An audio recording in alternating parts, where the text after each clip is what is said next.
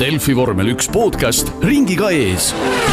stuudios on saatejuhid Kaspar Ruus, Kaspar Kütt ja vormeliekspert Tarmo Klaar.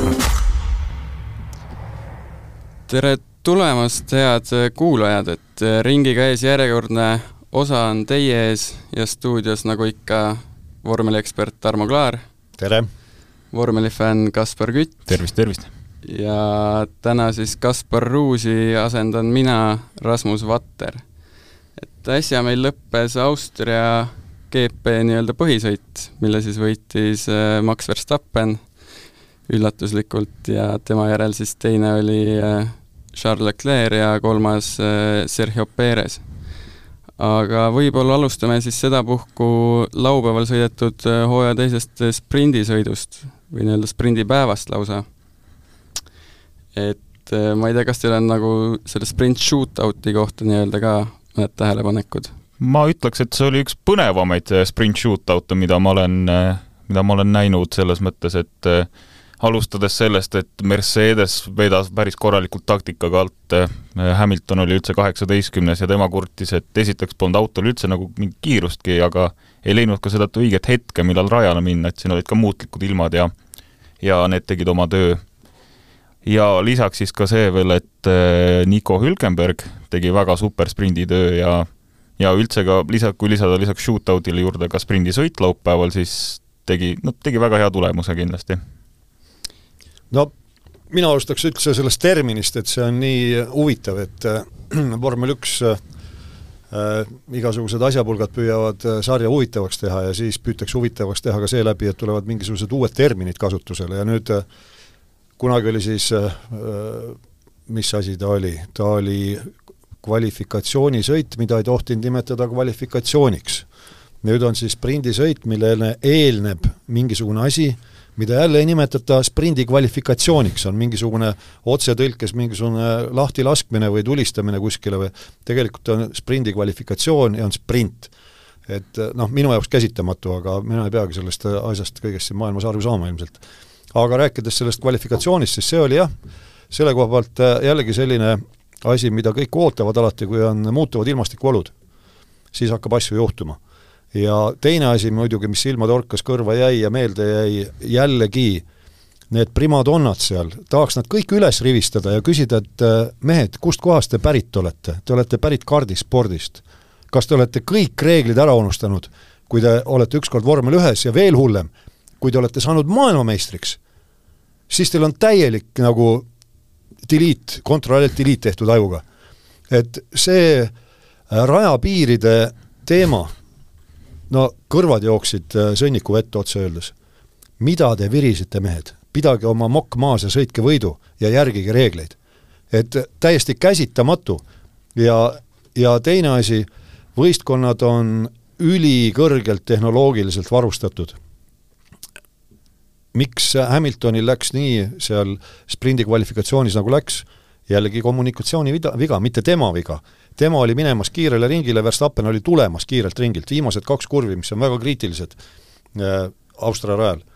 Nad on noh, põhimõtteliselt pimedad kurvid, ega sa ei näe ju, kes kes seal ees on. ja Hamilton jäi ette Verstappenile, Verstappenil seeläbi noh, ei tulnud nii head ringi, kui ta oleks tahtnud, aga noh, kvalifikatsioonivõit tuli ikka, selle sprindi kvalifikatsioonivõit. aga ta oli nii vihane Hamiltoni peale, et ta lõpetas küll oma ringi ära, sõitis mööda stardifiniši sirgel Hamiltonist ja esimeses kurvis, kui Hamilton läks kiirele ringile, pidurdas hoo maha niimoodi, et Hamilton ei saanud head aega. ja mida tegid kohtunikud, siin on nüüd järgmine teema jälle, et äh, niivõrd selektiivne on see suhtumine nendesse rikkumistesse, mis toime pannakse rajal, sõltuvalt siis sellest, kellega tegemist on. kui, kui sõidab keegi Tarmo Klaar ja Juhan Jalgratas, siis suhtutakse ühtemoodi, aga kui rajal on kokku siis, palju see teeb nüüd, üheksakordsed maailmameistrid kahe peale kokku, vot siis on kuidagi valgetes kinnastes see asi kõik. tegelikult oleks pidanud ju kutsuma vaibale mõlemad, et kuulge, mis toimub. Mhm. esiteks kõigepealt sina, Hamilton, takistad, mis su meeskond teeb, ja nüüd sina, Max Verstappen või teie, lugupeetud Max Verstappen, no Hamiltoni peab niikuinii teietama, ta on söör ju, sööri tiitliga. et äh, oled sa mingi poisike või? sa läksid kätte maksma, ise sa tead väga hästi, et sellised takistamised juhtuvad reeglina piloodi tahtest sõltumatu, sõltumata, see on võistkonna kommunikatsiooni viga. aga mitte midagi ei järgnenud. poisse ei kutsutud, no minu suhtes, minu vanuse suhtes poisse, ei kutsutud isegi mitte vaibale. kuulge, mis toimub, see on maailma tippude tipp ringrajasõidusari. ja, ja selline suhtumine.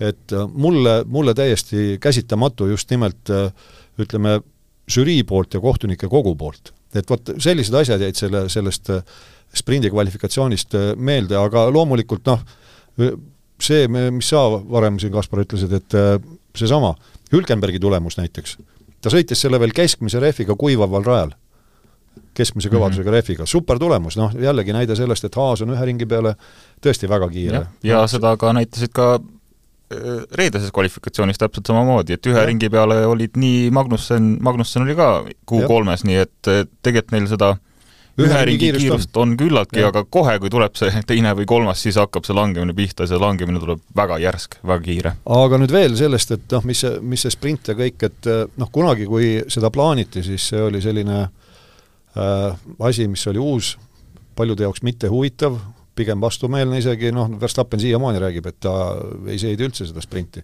teisest küljest, kui mõelda selle peale, et äh, sõnas mõttes, kui palju peavad inimesed välja käima raha selle eest, et koha peal vaadata siis äh, see on ju suurepärane. sa saad, noh, saadki nii-öelda täie raha eest vähemalt kahel päeval show'd, kus on noh, madinat võidusõitu ka, aga noh, need muud reeglid äh, sealjuures noh, eks me neist võime ka rääkida, kui huvi on kellelgi.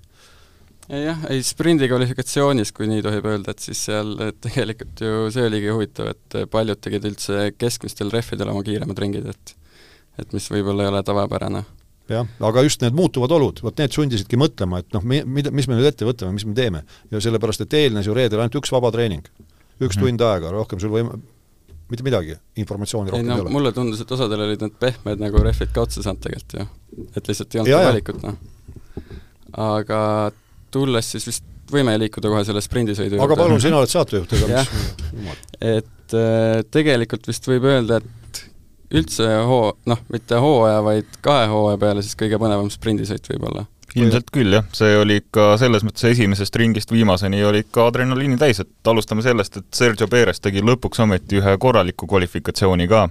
ja kohe, ma arvan, et tal oli nagu midagi tõestada ka kindlasti, kui nad, ta läks Verstappeniga võitlema seal kohe stardi järel, et ju, ta teab ka, et tal, ta peab lihtsalt midagi tegema, et silmagi jääda veel kuidagigi, et tema hoi-, kohast Red Bullit kinni hoida ja läks Verstappenit suruma.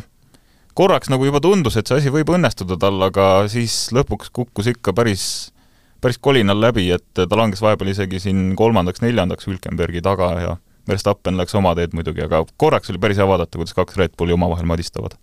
et noh, ilmselt see sõit tegelikult ei olekski olnud nii põnev, kui see ilm poleks kuivama hakanud, et et just see rehvi taktika osa seal tegi selle asja tegelikult ju lõpus pingeliseks, et no see on autode ringrasõidus või noh, eriti vormel ühes ütleme, see on alati niimoodi, et kui on muutuvad ilmastikuolud, siis see pilt ka muutub, olgu ta kvalifikatsioon või võidusõit, vahet ei ole. aga mis puudutab seal seda Perese tegemist, siis loomulikult tal on kõvasti tõestamist ja noh, need, kes teavad, ma mõtlen meie kuulajaid, Red Bulli sellist poliitikat läbi Helmut Marko otsuste, kes siis otsustab, kes saab kuhu võistkonda, kas Alfa Taurisse tänasel päeval või Red Bulli, siis see on ju jõhker. et kui sa ikka tulemust ei tee, siis hoolimata sellest, kas sul on leping või ei ole lepingut, sa kas saad sõitma või ei saa sõitma. et seda sõna otseses mõttes, et äh, Nick de Vries näiteks, kes nüüd Alfa Tauris on ja seal noh, vireleb ja vaevleb ja, ja võimleb, ega tema ei ole ju Red Bulli kasvandik, kaugel sellest, aga ta sai lepingu, ta sai sõitma, eks ole. Aga mis puudutab Perese tegemistesse, siis loomulikult tal on tõestamise koht ja ise ta küll väitis seal pärast sprindisõitu, et äh, ta ei näinud Verstappenit, et see veepilv, pilv oli nii suur ja, ja ta lihtsalt nagu kaitses oma positsiooni, aga noh, et pärast kõik lahenes. noh, tegelikult otse öeldes raadiosides me ju, ju kuulsime, et mismoodi Verstappen sõi, sõimas Perest ja Peres sõi, sõimas Verstappenit, eks ole. Et äh, küll nad näevad ja teavad, ütleme seal eesotsas, kuigi ma olen nõus, et tagapool juba vihmaga äh, noh, eks me pärast hiljem selleni ka jõuame, oli üks traagiline sündmus siin nädalavahetusel küll spa ringrajal, et ega seal vihmas need, kes on sõitnud võidu, need ütlevadki, et äh, tavakodanik kõrvalt ei saagi aru, kui olematu see nähtavus tegelikult on. et kui sa sõidad seal taga veepilves, eriti pärast starti, kus kogu see sõitjate grupp on koos, põhimõtteliselt orienteerutakse eessõitja nende vihmatulede järgi, need ei ole pidurituled, keegi ütles, et aa, mis need pidurituled neil vilguvad kogu aeg, et ABS töötab või mis, ei ole mingeid piduritulesid, need on vihmatuled, et oleks noh, näha, et keegi sul on ees. ja siis otsivad tihtipeale sõitjad ka mingeid muid orientiire seal äh, raja ääres, et ega ühest küljest see on keeruline, aga selles stardisaginas no ütleme niimoodi, et loll on see, kes põhjendust ei leia, et äh, küll see Perez teadis, et Verstappen on tal ükskõik kas vasakul või paremal ja e, minu silmis ka see rohkem selliseks äh, noh, kuidas öelda siis, jõupositsiooni kehtestamisena tun-, tundus. aga noh, lõpuks kehtestas oma jõu siis Verstappen ikkagi. noh, nagu ikka see hooaeg läinud on, jah. jaa, ei, tundub jah, et isegi kui Perez oleks oletama ette jäänud seal, et ega tal pikka pidu poleks olnud ju. ilmselt see edu ei oleks väga pikalt kestnud tõesti jah, et paar ringi. aga sprindisõidu minu võib-olla niisugune helgeim sõitja oli Nico Hülkenberg, kes no alustades jah, kvalifikatsioonist, et täiesti võimas äh, kolmas koht või neljas äh, õigemini, aga noh, sõidu jooksul Haas noh, langes nagu Haas ikka, et oli vist äh, kaheksas-üheksas juba, oli juba siin punktikohtadest välja kukkumas sprindi mõttes, aga aga Haas tegi väga julge taktika ja Haas oli vist esimene meeskond, kes siis pani kuivad rehvid alla sellel muutlikul rajal ja või see oli vastupidi? vist küll oli Rass-, Russell oli, Russell mm -hmm. oli esimene. tema, äh, Hülkenberg oli teine. jah, aga ja. Hülkenbergi siis äh, pandi rehvi, pandi kuivad rehvid alla ja see taktika toimis, kuigi algusest oli jah, seal kaksteist, kolmteist koht, mis äh, midagi taolist, aga ta tasapisi tõusis üles ja sai lõpuks sprindi kuuenda koha, mis tegelikult Haasile tähendab kolm väga väärtuslikku punkti.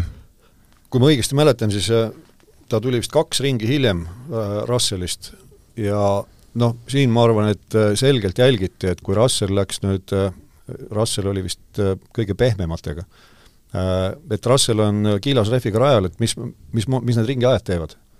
ja veenduti, et tõepoolest on oluliselt kiiremad ja kutsuti Hülkenberg sisse ja neil ei olnud ju täpselt, neil ei olnud mm -hmm. kaotada mitte midagi, sellepärast et ta vajus ju seal võistlejate rivis, noh, nagu öeldakse, nagu kivi, eks ole. et seal oli ainult võita et äh, mingi tä-, mindigi täispanga peale nii-öelda, no täispank muidugi, kes tähte närib, on võit, aga aga see oli noh, superesitus Hülkenbergi poolt ja taktikaliselt väga, väga õige otsus Haasi poolt. ja no oleks üks ring rohkem olnud, siis oleks ilmselt ka Stroll ja Alonso ju talle ette jäänud, et jah, sellepärast et esimesed viis ju lõpuprotokollis, nemad ju ei käinud mm. -hmm et ja. selles mõttes sul on õigus, et äh, tal oli seda kiirust, oli noh, see kiiruslik vahe ringi peal oli ju sekundites, mitte kümnendikes, vaid sekundites, võrreldes nendega, kes äh, ei käinud rehve või oleme korrektsed rattaid vahetamas. Äh, ma olen ikka jauranud siin varem ka, mõnedel on juba tüütuseni see kuuldud, et ma tahaks ikka näha, kui räägitakse rehvi vahetusest, et mismoodi, mismoodi vormel üks boksi peatuse ajal käib rehvi vahetus. see oleks, vot see oleks tõeline vaatemäng, see on nagu NASCARis on boksi peatus, kus on üks niisugune noh, poolteist mind härg palgatud äh, garaaži tungrauaga ühte auto külge üles tõstma olete näinud, ei ole NASCARi poksipeatust no,? olen, olen jah. noh, see, see on ju, kõik on ju show nimel, eks ole. ei, ei ole mingeid kõrgtehnoloogilisi tungraudu, nii nagu näiteks on Indikaaris, kus suruõhuga tõstetakse auto üles, eks ole, selles mõttes äh, vormel üks on isegi maha jäänud, et seal muskuli jõul äh, tõstetakse eest ja tagant. aga eh, jah, ega siin muud aga tulles selle rehvi värgi juurde ka uuesti, et et kas tegelikult võiks sprindisõidust kehtestada sellise reegli, et, et tuleb vähemalt korra sõidu jooksul käia rehve vahetamas, et teha sõitu põnevamaks? ma ei, ma ütleks, et see jälle võtab selle sprindi mõtte ära selles mõttes, et eh, las ta olla niisugune algusest lõpuni no võidusõit finišini, et see minu arust ongi see sprindi võlu siiamaani olnud, et ei ole mingit noh, on küll taktika sõidu alguses, aga, aga ei ole seda boksi peatustega jamamist ja on puhas võidusõit vähemalt, vähemalt F1 mõttes. no just, et eh, ega selles suhtes ongi seda võidusõitu nagu tänapäeval natukene vähe, et äh, noh, Pirelli, kes on ainus rehvitarnija, tema ju teeb seda, mida talt FOM ja FIA tellivad, eks ole. tahetakse, et rehvid peavad vastu, no siis ta teeb sellised rehvid, mis peavad vastu. tahetakse, et rehvid kuluvad, siis ta teeb sellised rehvid, mis kuluvad noh, kunagi ei ole hästi, siin mäletame paar aastat tagasi või millal see oli, kui Silverstone'i etapil rehvid lõhkesid, eks ole, ei vedanud lõpuni välja, jälle oli pahasti. et äh, jah, sellist äh, kunstlikkust seal vormel ühes on palju ja noh, kuna mul on äh, suur huvi Ameerika Ühendriikide vormelisarja IndyCari vastu ka ja ma olen seda jälginud ja eelmisel hooajal terve hooaega kommenteerisin, aga ma olen seda aastakümneid jälginud, siis mina ütlen ikkagi, et vormel ühel on väga palju õppida IndyCarist, just et teha võidusõit ehedamaks, mitte kunstlikuks. jah, aga nüüd võib-olla tuleme siis reedese kvalifikatsiooni juurde, kus siis üllatust ei sündinud, ehk Verstappen oli taas kiireim ja Verstapp-, ja tähendab, Perez siis neljandat korda järjest ei jõudnud kvalifikatsioonis kolmandasse vooru. ja ma kuskilt nägin mingit statistikat, et ma ei tea, kas see tõele vastab, aga sotsiaalmeedias vaatas vastu info, et Nigo Hülkenberg siis Haasiga on jõudnud see hooaeg rohkem kolmandasse kvalifikatsioonivooru kui Perez. see vastab täitsa tõele jah, ja minu arust ei ole isegi Hülkenberg ainus, vaid isegi vist Aleksander Albon on Perezest paremaid kvalifikatsioonitulemusi näidanud, et no Perezil muidugi noh, on ka, ka mingil määral halba õnne ja erinevaid niisuguseid väikseid õnnetusi, aga ikkagist, nagu Tarmo, sa ütlesid jah, rajapiirete kohta, et et noh, sa oled vormel üks sõitja, sa, sa tegelikult, sa suudad neid rajapiirdeid vältida ka, kui, kui on väga vaja, et Peirase kõige kiirem aeg siis kustutati raja nii-öelda piirete ületamise tõttu. et jah, kui sa oled ikka F1 piloot, siis sa tegelikult suudad neid piirdeid vältida. no tegelikult selles suhtes oli päris lahe jah, et isegi kui juba nagu nii-öelda kvalifikatsioonivoor oli lõppenud, et siis vaikselt hakkasid need tulemused seal veel muutuma, et jah, et seal oli tõesti nii, et kommentaatorina ka hakkad seal tulemusi ütlema ja siis mõtled, et oot-oot-oot ja noh, Toomas seal ka kutsus vahepeal korrale ja et kõik ei ole veel lõplik, et äh, jah, see see oli nii minu jaoks naeruväärne, kuigi nimetas seda reeglit või, või nei-, toimuvat naeruväärseks Verstappen, aga tõesti, noh, ilma naljata, te olete nii-öelda maailma kakskümmend parem, parimat autojuhti. jah, ma saan aru autod liiklevad seal ka kurvis viiskümmend meetrit sekundis aeg-ajalt, noh, korrutatuga siis läbi vastava koefitsiendiga, mis ta kilomeetrit tunnis teeb. et noh, ongi, osa, osa kurve läbitaksegi mingi kakssada viiskümmend kilomeetrit tunnis. aga kulla mehed, te olete mähkmetest peale selle alaga tegelenud. Teil on see tunnetus, teil on see silmamõõt kõik olemas. selleks te seal oletegi. ja muidugi ma saan aru, loll on see, kes põhjendust ei leia, aga need teie põhjendused on naeruväärsed ei no jah, et linnaradadel saadakse nagu hakkama selle jaa, siis ei ole probleemi jah, et aa, miks see sein siin on, see on naeruväärne, miks see sein siin on? no aga no, täpselt, et noh, nad on ise öelnud, et ei no see Monaco võrdlus, see on kohatu. ei ole kohatu. ei ole. seal sa saad suurepäraselt aru, et valus on, väga valus on, kui ma rajapiire ületan aga millegipärast mujal ei saa aru. aga kas FIA võiks ka nagu kuidagi sõitjatele nii-öelda appi tulla, et kruusatakistusi rohkem tekitada raja äärde, et see on teemaks olnud tegelikult, aga teine asi, tähendab, see on teemaks olnud, aga miks see teostunud nüüd tänapäeval ei ole, vaid pigem rohkem on hakatud äh, neid äh, asfaltalasid tegema, on see, et äh, samadel radadel sõidetakse ju mootorratastega. ja see on mootorratastele ohtlik. kui, kui kohe selle äärekivi taga väliskurvis on see liivapiire, siis see võtab ju kohe ratta kinni, ta haagib ära. et ehe näide, mis selle äh, sellise liivaväljaga efekt on, oli just nüüd äh, eile Indikaari vabatreeningul, kui äh, Simon Pagenaud käis kuus ja pool korda, nüüd vabandatagu mind, kasutan äh, rahva pärast väljendit, üle katuse. ei ole vormelautol katust. aga täpselt, et tal kadusid pidurid ära, sõitis turvaalale ta veel äärekivi pealt, välisäärekivi pealt või oli see mätta pealt, tõusis kergelt õhku ja nii, kui ta maad puudutas, nii ta seal hakkas rulluma ja see ongi see, ta ütleski, et et probleem ongi selles, et see liiv või kruus, kergkruus, see võtab kohe kinni, oleks asfalt, sa lohiseks. nii et selles mõttes see on nii ja naa, et see on tõsine poleemika teema olnud vahelduva eduga vormel ühes ja üldse autosarjades, et need asfalteeritud turvaalad, need kutsuvad nagu rohkem riskima ja rohkem rikkuma reegleid ja kui siis kohtunikud, eelkõige võistluste peakohtunik, on ebajärjekindel, mis oli Michael Maasi ajal vormel ühes ka, kus jõudsime absurdina, ma mäletan, Katari ringrajal oli see, et ühes kurvis olid ühed reeglid, teises kurvis olid teised reeglid, kolmandas kurvis oli üldse kurat teab mis. et noh, see on ju absurd. ja nüüd siis on pärast Michael Maasi äh, väärikat või vääritut lahkumist oma ametist, on järgitud äh, reegleid, mis kehtivad aastakümneid ringrajasõidus. see ei ole mitte midagi uut, et võidusõit käib valgete joonte vahel. et sa tohid ainult kahe rattaga ületada. see on aastakümneid, poisid, tuletage nüüd meelde natukene. et äh, ma ei saa aru, milles see probleem on. kuni sinnamaani välja, et äh, kunagi Austrias minu meelest see kolmas äärekivide komplekt on nüüd ära võetud, mis oli üheksandas ja kümnendas, eelviimases ja viimases kurvis. mõni aasta tagasi oli sinna pandud veel lisa äärekivide komplekt, mis oli eriti autosid lõhkuv ja siis oli jälle probleem. miks neid äärekivisid sellisena on tehtud? Need ju lõhuvad autosid, kulla mees, ära sõida sinna peale, selleks nad ongi seal. et selle koha pealt noh, väga veider on see, veel kord tulen selle juurde tagasi, millest alguses rääkisin, et see on veider, et kui jõuavad need piloodid sinna kõrgklassi, siis neil te-, toimub nagu kõrvade vahel mingi faasinihe. siis nad peavad ennast nagu noh, peaaegu et jumalast kõrgemaks või seal rajal. Et see on väga veider. ei, kahtlemata jah. aga liikudes nüüd eh, just äsja lõppenud põhisõidu juurde, kus siis eh, nagu varasemalt öeldud, Verstappen võttis oma viienda järjestikuse võidu, siis eh, võib vist öelda, et Perez eh, rehabiliteeris end, et võttis praktiliselt maksimumi, mis tal võtta oli. nojah, et ma ikka tavatsen öelda, et on väike vale, suur vale ja statistika, aga antud juhul see statistika väga ei valeta, et äh, ta ju tõusis kaksteist kohta, jah, ja, ja tõesti sõitis mööda, tõsi äh,, ta ei sõitnud nii targasti, kui sõitis Verstappen, et seal ülekande käigus ka ma juhtisin tähelepanu sellele, et just seal selle kolmanda et ERS-i tsooni tuvastusjoon on ennem kolmandat kurvi.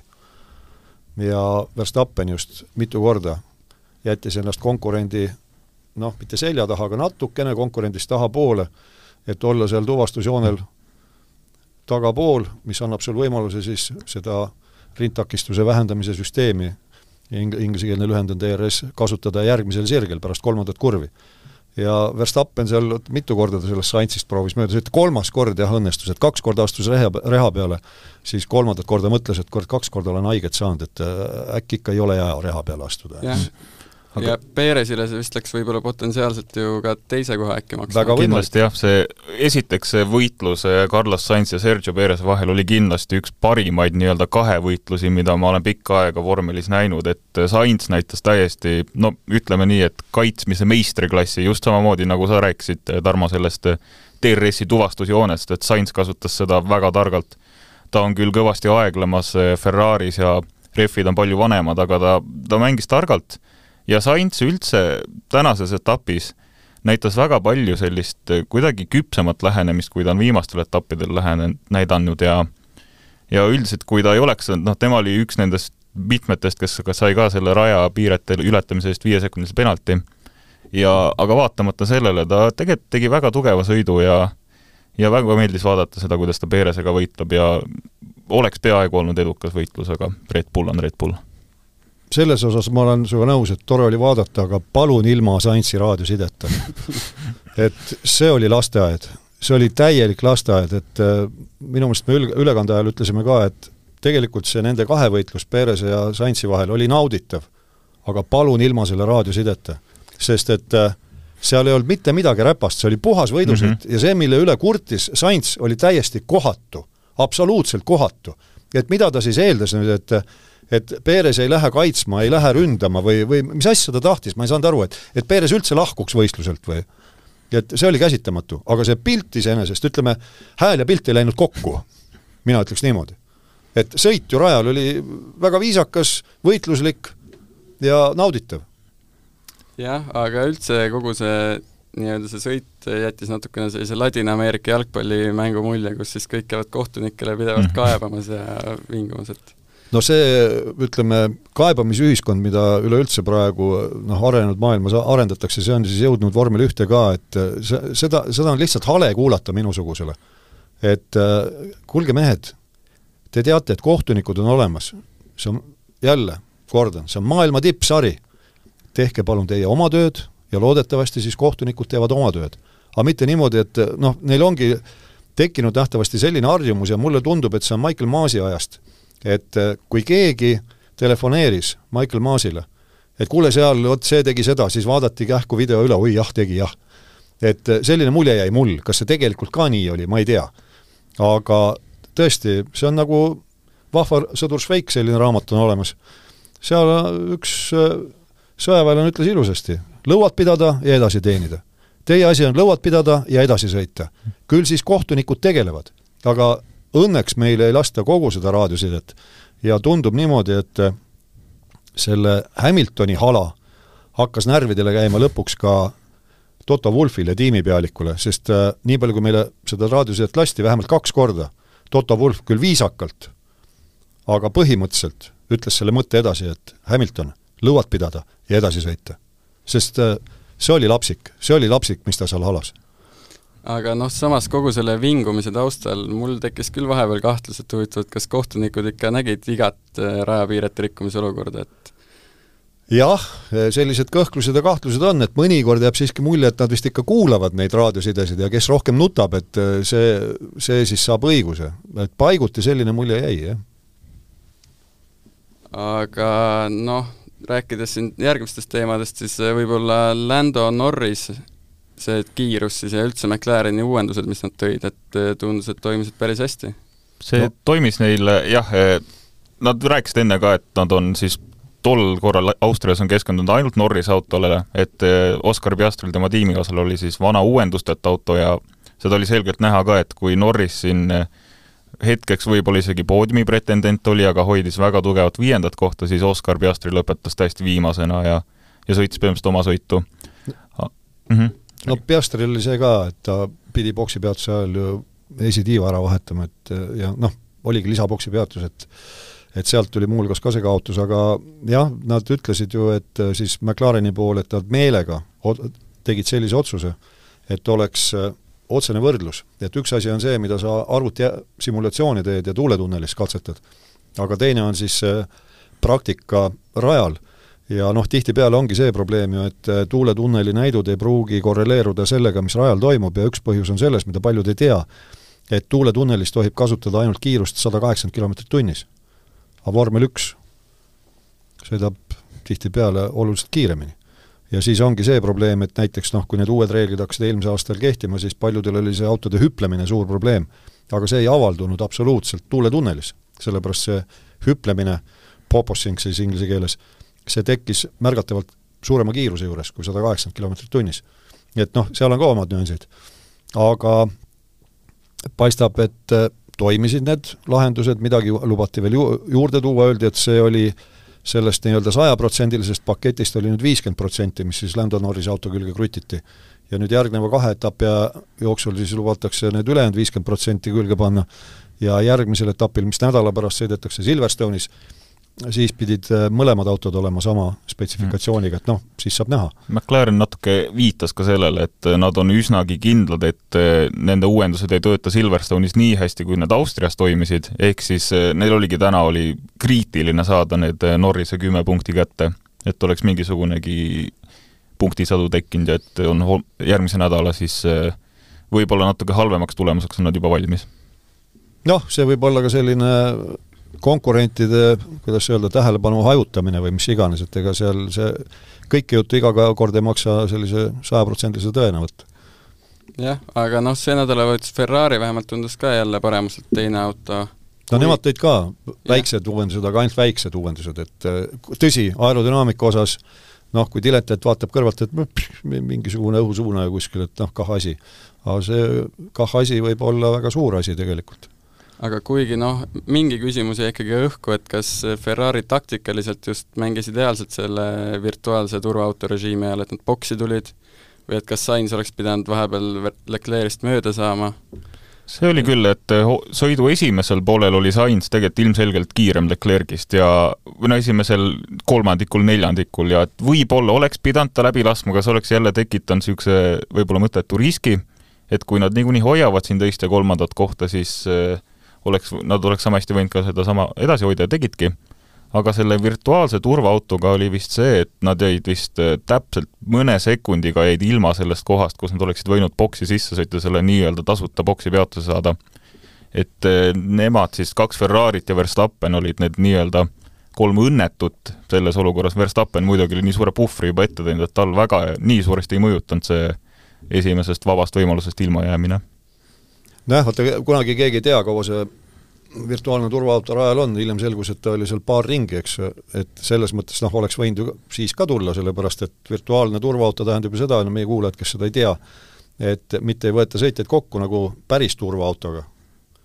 turvaauto järgi, vaid äh, virtuaalne turvaauto tähendab seda, et kõik sõitjad peavad, kas see oli nelikümmend protsenti või kolmkümmend, nelikümmend protsenti vist oma kiirust vähendama ja püsima mingis ajavahemikus, nii et põhimõtteliselt püütakse säilitada siis sellist distantsilist vahet, mis sõitjate vahel oli enne, ennem turva, selle virtuaalse turvaauto rajale kutsumist, aga siin keegi ei näinud, noh ma siin laiutasin käsi Kaspar jutu peale, et noh, et oli nagu kiirem Sainz, vaata Sainzil oli DRS kasutada.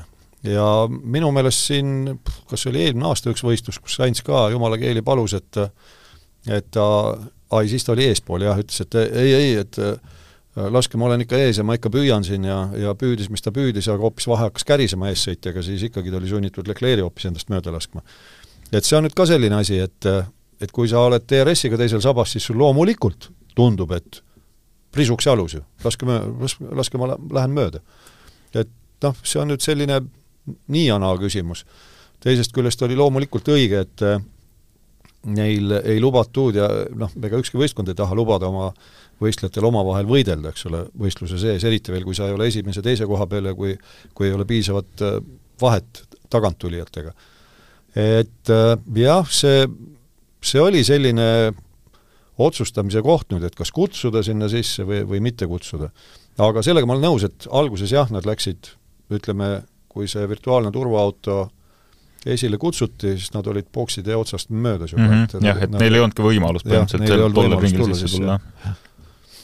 Aga rääkides siin tiimisisesest heitlusest veel, siis äh, no päris sõidu lõpus, kuigi Verstappen oli esimene ja Perez kolmas, siis äh, väikseks nii-öelda kraakles, kraaklemiseks seal ikka läks, kui, kui Verstappen nagu nõudis endale seda kiiremat ringi sisuliselt, et ja, ja ega see on, Verstappen on ju selles mõttes tuntud vend, et noh, isa on tal sõna otseses mõttes kraakleja, eks ole, ta on plate pealgi olnud, ehk siis äh, üksikkongis istunud äh, kaklemise pärast, et äh, veel mõni aasta tagasi. Et äh, selle koha pealt äh, noh, Verstappen on võitleja, Verstappen on äh, Red Bulli lemmiklaps ja tema sõna jäi ju peale, et kui võtta pelgalt seda raadiosidet, mis meile lasti, ja seda pilti, mida me nägime, siis tekkis küsimus, et oota, aga miks te neid rattaid nüüd valmis panete, siis öeldi ju, et ei mhm. tule. jah, aga ometi võeti välja. see on see, eks see on see Verstappeni nii-öelda superstaari moment ka, et, et fännidele ilmselgelt meeldib see ka, kui Verstappen tuleb ja võtab selle riski ja võt-, läheb boksi ja teeb seal kiirema ringi ikkagist ära, et no Red Bull ikkagist suur äh, firma ja nad teavad ka, et sponsoritele meeldib selline hulljulgus.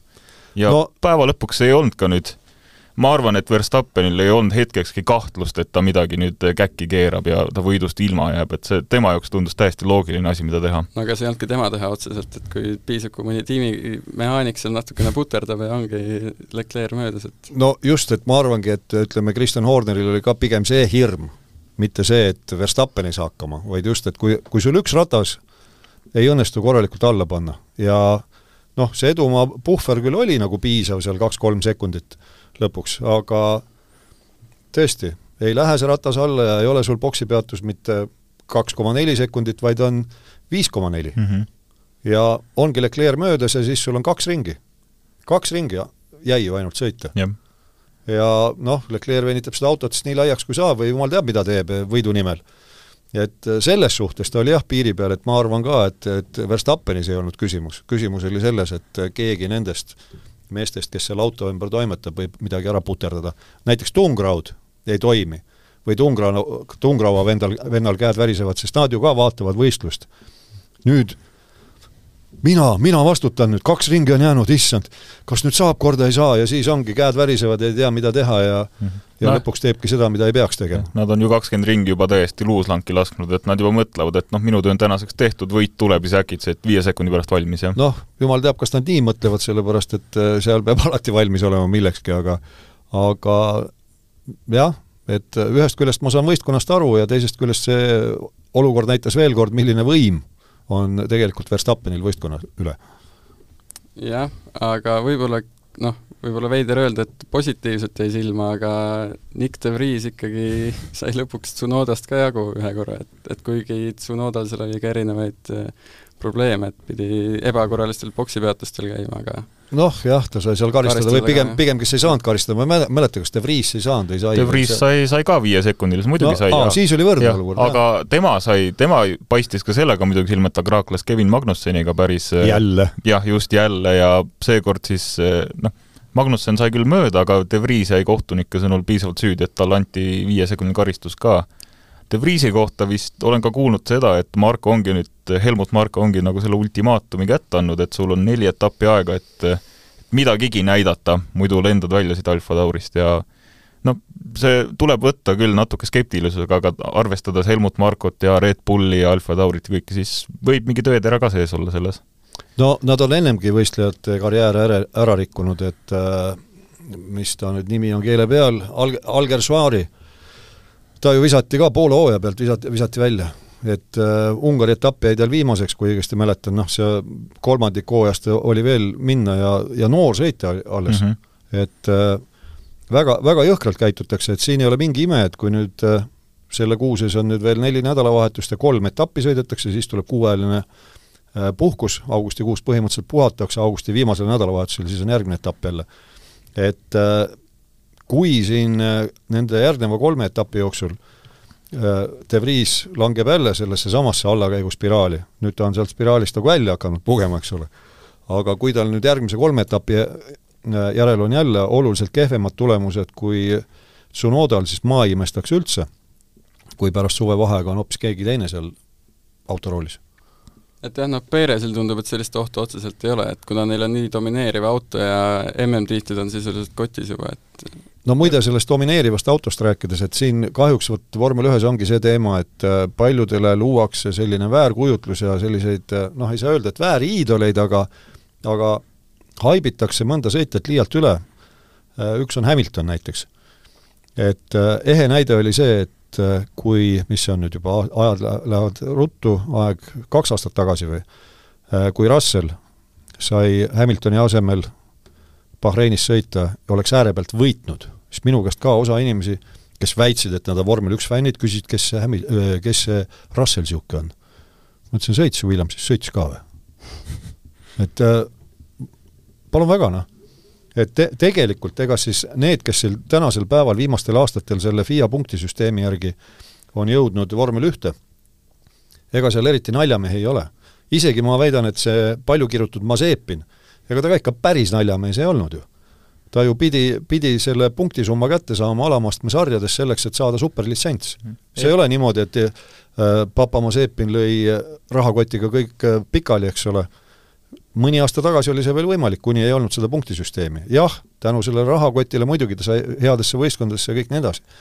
et äh, seal vormel ühes on väga palju väga, väga kiireid mehi ja, ja sellest autost, mis sul istumise all on, loeb ikka väga-väga palju, et sa ei ole küll küsinud, aga sellega seoses jälle üks teema, mis Hamilton tõi esile sel nädalavahetusel ja mis mind tõsiselt häiris ja ma saan aru, et õnneks või kahjuks mitte üksi mind, hakkas ta rääkima sellest, et see on ikka ebanormaalne, kui üks võistkond niimoodi domineerib, et tema meelest peaks, ma ei mäletagi nüüd, ausalt öelda ma ei vaevunud seda artiklit lõpuni läbi lugema, aga aga kas ta nüüd ütles, et kõigil võistkondadel peaks olema siis piirang, et ennem esimest augustit ei tohi järgmise autot arendada? või, või see puudutas just seda edukat võistkonda? ma sain aru, et ta vist üldse mõtles, et, et jah, seda järgmise aasta autot nagu ei jaa, jaa, järgmise aasta autot, aga nüüd kes, kas kõik ma... või, või, või see edukas võistkond? ma et, lugesin välja, et nagu, et kõik ei tohiks et kõik, okei okay,, et kõik, aga, aga just võtame selle põhimõttelise teema, et selline meeletu domineerimine, see noh, see tuleb ära lõpetada, oota, oota mitte nagu Hamilton ma, oleks teinud olen, viimased, viimased teist, kuus aastat. ma olen teist nüüd suts vanem, et selle mäluga on pahasti, et kus võistkonnas Hamilton siin sõitis, kui ta need tiitlid võt-, vist võttis mõned tiitlid, jah? no paar tükki, üks-kaks, võib-olla rohkem natuke. ei tea, et ikka oli ikka pusimist seal no üks asi ongi see, et nagu seda domineerivat ei no hea küll, see oli minu poolt iroonia loomulikult, aga kulla mees, kuni oli Rosberg kõrval, sul oli ka võidusõitu võistkonnasiseselt, kui tuli Botas, siis oli sama seis, mis, mis Michael Schumacheril oli Ferraris. tema võistkonnakaaslane ei tohtinud temaga võidu sõita. noh, eriti drastiliselt tuli see Hamiltoni ja, ja Botase puhul välja, just ühel äh, siis Sotši etapil, Sotši etapp kuidagi eriti sobis Potasele, kui talle noh, anti räigelt otsekorraldus lasta Hamilton mööda. noh, ja, ja pärast võistlust siis üt-, ütleb Toto Wolff, et et no Potas on väga hea relvakandja või wingman, noh, wingman mm -hmm. minu teada on sealt, sealt valdkonnast pärit, sõjandusvaldkonnast. et millest see mees räägib praegu? millest sa räägid, oota huvitav, kuidas sul need tiitlid tulnud on? Et aastast kaks tuhat neliteist, kui tulid äh, hübriidjõuallikad, see ülekaal oli ju mäekõrgune Mercedesel teiste üle. kust need seitse järjestikust tiitlit äh, Mercedesele siis tulid? kuus Hamiltonil ja, ja üks Rosbergil. et, äh, et jälle, seisukoht oleneb istekohast, nagu öeldakse ei nojah, aga äkki tal oli veel see ka kuskil tagakuklas, et näiteks Aston Martin ka ilmselt ju eelmine hooaeg tegeles siis selle hooaja võistlusauto nii-öelda arendamisega ja nüüd on neist mööda läinud järsku, et no aga niimoodi see on juba ebaaus ju. ja see on täiesti, täiesti ebaaus, et keegi on kiirem kui mhm. Mercedes ja eriti veel Hamilton, et noh, ma ei ütle, et Hamilton on kehv sõitja, vastupidi, ta on oma põlvkonna üks andekamaid ja kiiremaid. aga no sellist rumalat juttu palun mitte ajada jah, aga rääkides arendustegevusest, siis äh, tegelikult ju Mercedes ja Aston Martin plaanivad nüüd äh, Silverstone'i ka väga suurt uuenduste paketti, et, et samas kui arvestada, et siis Red Bull äkki tegeleb juba järgmise aasta autoga, et äkki on lootus, et, et selleks hooajaks vähemalt mingi periood võetakse see vahe kinni? no kas just kinni, aga lootus on ikka jah, ja ütleme, et miks Silverstone'iks, Silverstone on siis võrdluses ütleme, Barcelonaga või noh, võtame neid kõrvuti, et need on sellised kaks rada, kus tuleb väga hästi välja auto arendus noh, hüpe või tagasihüpe, edasihüpe või tagasihüpe, et seal on palju kiireid kurve, voolavaid rajalõike ja seal see aerodünaamika mängib tohutut rolli, pluss sõitja. et seda on alati öeldud, et äh, Silverstone, see on äh, auto ja sõitja rada. no pluss paljud tehasekompleksid asuvad ju ka Inglismaal, et võib-olla kuidagi lihtsam neid noh, logistika on ka palju lähedam, lihtsam jah. paljud on nüüd leebelt öeldud, et mm -hmm. mis me siin loeme üles siis, kolm võistkonda ei ole Inglismaal. jah, Alfa Tauri. Alfa Tauri, äh, Sa-, Ferrari Sauber, noh, Sauber alias siis Alfa Romeo praegu, praeguse seisuga. kui, kusjuures Alfa Tauril osa ju asju ikkagi tehakse ka Inglismaal mm, -hmm. et mhm. noh, neil on ka nii ja naa. aga Ferrari ja, ja Sauber siis, mis ühel hetkel transformeerub Audiks jälle, tema, nemad ju baseeruvad, see on üldse huvitav, et äh, tänane Alfa, Alfa Romeo ehk, ehk Sauber baseerub ju Šveitsis, kus tegelikult autode ringrajasõit on keelatud. jah, mis teha. aga on teil veel äh, vormel ühest mingi asi, mida soovite siin pitsitab? no vormel, vormel ühest ikka, ikka on jah, aga võib-olla, võib-olla järgmine kord, aga no ütleme veel kord, et kokkuvõttes see etapp äh, tõi jällegi selle välja, et äh, ilmastik mängib alati väga positiivset rolli ja teisipidi, äh, kui vaatame seda, mis toimub Austria rajal, siis rada mängib tohutult kaasa. et esmapilgul vaatad, et seal kümme kurvi, millest noh, seitset võistlejat peavad üldse kurvideks, sellepärast et tegelikult ka kolmes neist, mis on kurvide alla loetud, tegelikult sõidetakse täisgaasiga, eks, ja tundub suht lühike rada ka veel et äh, noh, kui palju seal seda võidusõitu on, aga tavaliselt seal on alati võidusõit, et äh, jällegi see raja iseloom mängib väga paljuski sellele kaasa, kas on vaatemängu või ei ole. ja nad vist sõlmisid uue lepingu ka nüüd Austria GP-ga. kuni, mhm, kuni kaks tuhat kolmkümmend aastani saab Austriat nautida. no ja veider oleks, kui poleks sõlmitud, sellepärast kellele rada kuulub? Red Bullile. jah, aga nüüd äh, rääkides Paul Aronist, siis äh, kvalifikatsioonis ta näitas teoreetiliselt parimat ringiaega, kuigi ületas ka rajapiire. no see ja, oli kõikides klassides probleem, jah. siis eh, sprindisõidus võttis oma F3 karjääri esimese etapivõidu või noh, sõiduvõidu ja siis eh, kuigi pühapäev läks aia taha väikse kokkupõrke tõttu, et, et kas võib ikkagi öelda, et tema vormel kolm karjääri parim nädalavahetus?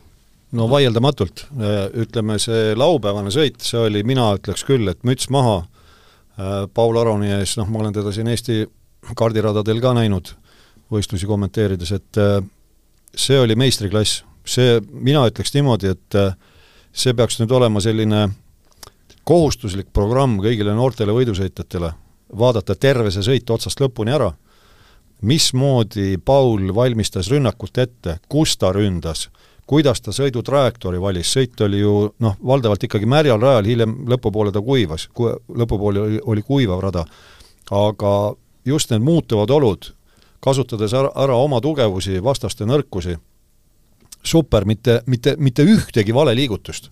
et kusjuures ta startis ju kaheksanda koha pealt. et süsteem on ju vormel kolmes selline, et kvalifikatsiooni tulemuste põhjal määratakse stardirivi pühapäevasele põhisõidule ja laupäevane sprindisõit on kaheteistkümne, on kaheteist, kaksteist esimest pööratakse ringi, kusjuures kui palju neist nüüd punkte sai siis? Äh, kõik kaksteist ei saa. et äh, kaheksa, ikka, jah, kaheksa mm -hmm. saavad punkte.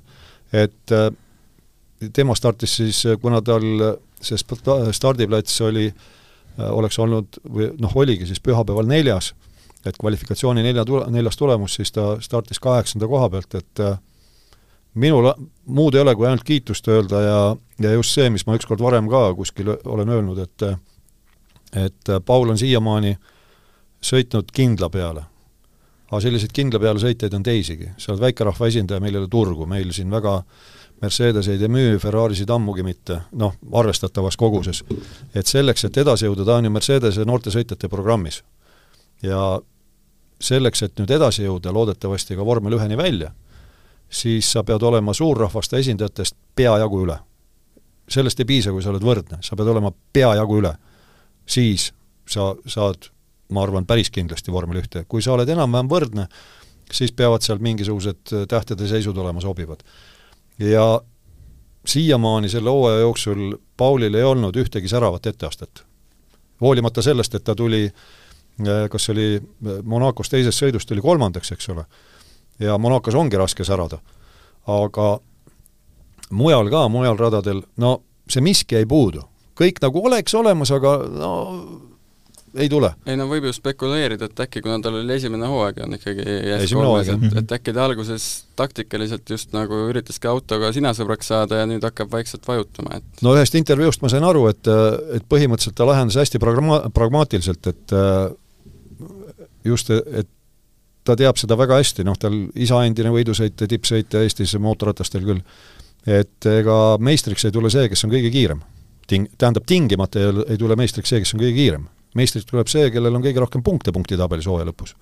ja eks ta siin hooaja algul tundub, et läkski rohkem kindla peale välja, seda ta minu meelest ka ühes intervjuus ütles, aga teine asi, mis kindlasti mängis tohutut rolli, oli nüüd sel nädalavahetusel see, et eelmisel aastal, kui õigesti mäletan, tegi ta noh, vähemalt ühe sõidu võitis äh, seal regionaalvormelisarjas, äh, millest see kahetsusväärne lugu meil ka varsti tuleb, et äh, see rada talle istub, ta tunneb seda rada, ta on siin võitnud, küll natukene aeglasema autoga, seal regionaalvormelis on ka, ütleme noh, põhimõtteliselt nagu vormel kolmed, aga veidi lahjema mootoriga.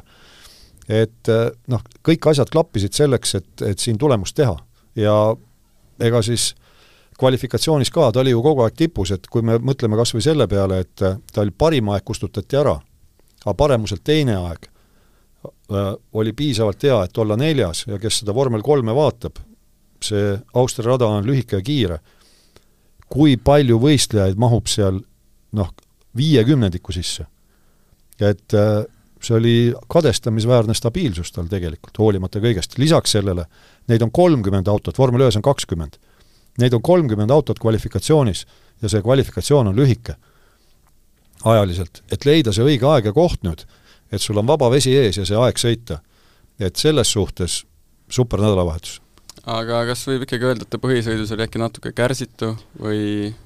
No minu silmis see oli selline ütleme, võistlusolukord, loll juhtum lihtsalt, ma arvan, et ta ei olnud kärsitu, see oli mingi totakas asjaolude kokkulangemine, et äh, võib-olla eessõitja ei kiirendanud päris nii, nagu ta, ta eeldas või noh, ta ei läinud ju, ta, ta ei sõitnud ju külje pealt rajult sisse või mm -hmm. ei teinud mingit sukeldumist kuhugi või seal lihtsalt esitiib riivas teise auto tagaratast ja jah, see oli nagu, iseenesest ei olnud ju üldse nii suur kokkupõrge ka selles mõttes, see oli tõesti lihtsalt õnnetu juhus, et see, et see läks niimoodi, et piisavalt äh, kahju tekitas autole, et ta pidi siis arvan, pidi boksi ka minema ja sellega langes suurest mängust välja, aga aga üldjoontes see möödasõidukatsetus to-, toimus siiski ju teise koha nimel, et ja. et ta oli juba, juba pühapäeval ka taaskord väga tugevat sõitu tegemas, et et küllap see ikkagist, no loodame, et see jäi ikkagist silma taaskord, isegi kui sõit ei läinud nii hästi, siis tegelikult jah. no mina vaatasin seda vormel ühe ametlikult lehe, kodulehelt ja minu meelest seal ta oli üks enim öeldud nimi kommentaatorite suus, et no ta paistis silma, midagi ei mm -hmm. ole teha. aga noh, kuigi tegelikult oleks punkte küll kaotsi. kõvasti kõvasti kaotsi, siis tegelikult vahe teisel kohal oleva tiimikaaslase Beganovitšiga on ikkagi ainult kümme punkti näiteks. no seal nad on üldse üsna tihedalt koos. jah, ta on kuuendal kohal jah, et jah, aga esi, esimene on nüüd pikemalt eest ära, aga seal te-, teisest kuni kuuendani nad on, kas nad on kümne punkti sees? on jah, kü-, kümme punkti ja, ja esikoht on siis nelikümmend kuus punkti, et ja neil on siis kaheksa võistlusstarti veel järgi hooaja lõpuni mm. -hmm. nii et noh, seal võib veel mida iganes juhtuda. aga noh, eks tal ikkagi ilmselt oleks vaja oma tiimikaaslased edestada, et no see on põhiline jah, et paraku punktitabelis on mõlemad tiimikaaslased ju temast eespool, et nii, nii O'Sullivan kui ka, kui ka siis Beganovitš.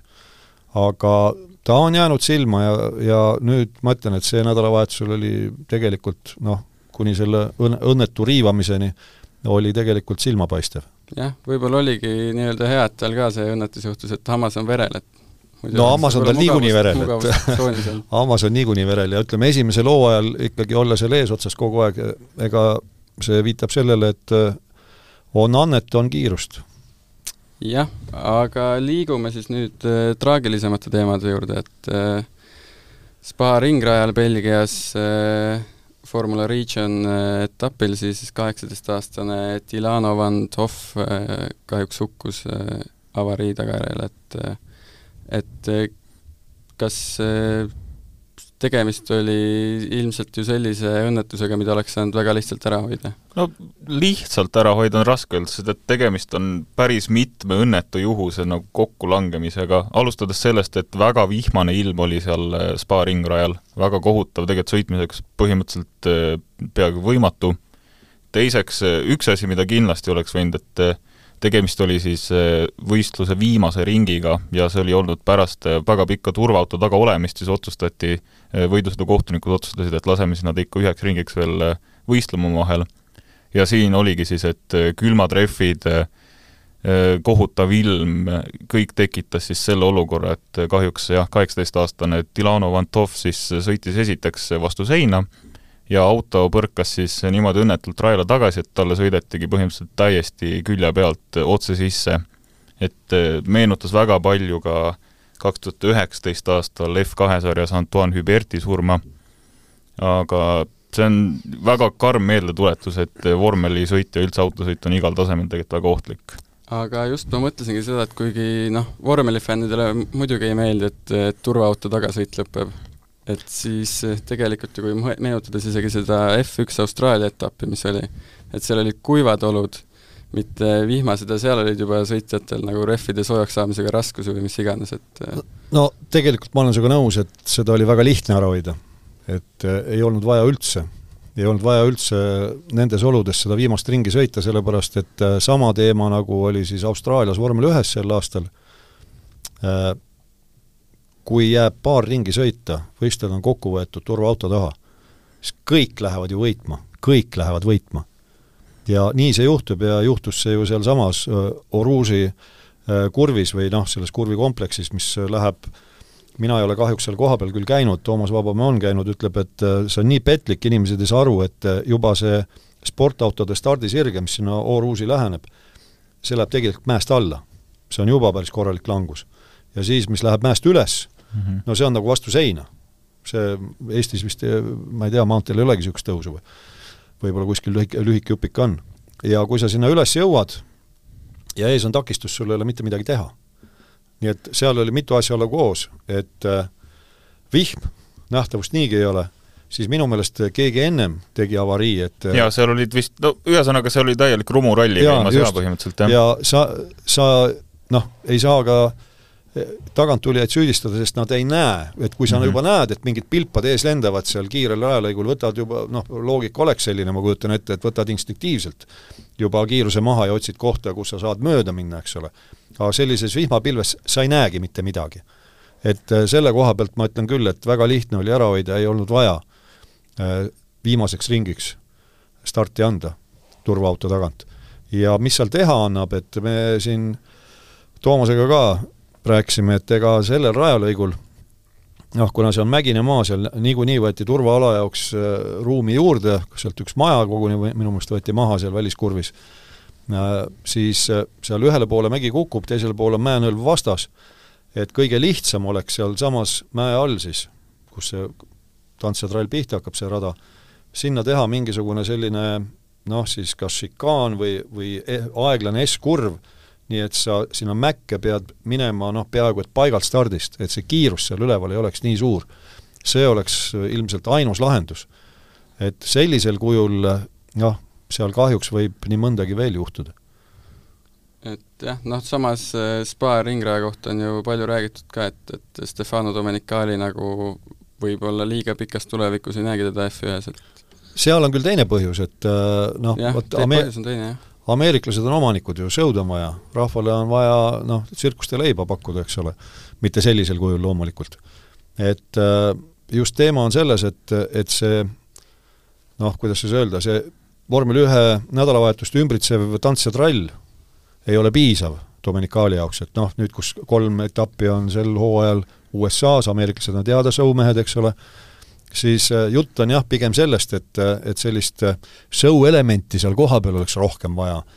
aga rada ju iseenesest noh, kõigile meeldib, ütleme, kui kuivaga sõidetakse, siis on reeglina ju kõik hästi, e, noh kuigi, ega see Uberi avarii oli ju kuivaga samas. et äh, et rada kui selline on väga hea, aga see üks rajalõik nüüd jah, on paraku taoline, et kui seal keegi sõidab rajalt välja, siis tulemused kahjuks võivad olla väga traagilised, nagu olid neli aastat tagasi ja nagu olid eile. jah, ja noh, selle kurva tooniga siis äh, tõmbamegi sellekordsele saatele joone alla ja juba nädala pärast toimub siis äh, Silverstone'is äh, Briti GP. mind siis eetris ei ole ilmselt, et Kaspar Ruus peaks tagasi olema puhkuselt minu andmetel ja nägemist! järgmise korrani! nägemist! Delfi vormel üks podcast ringiga ees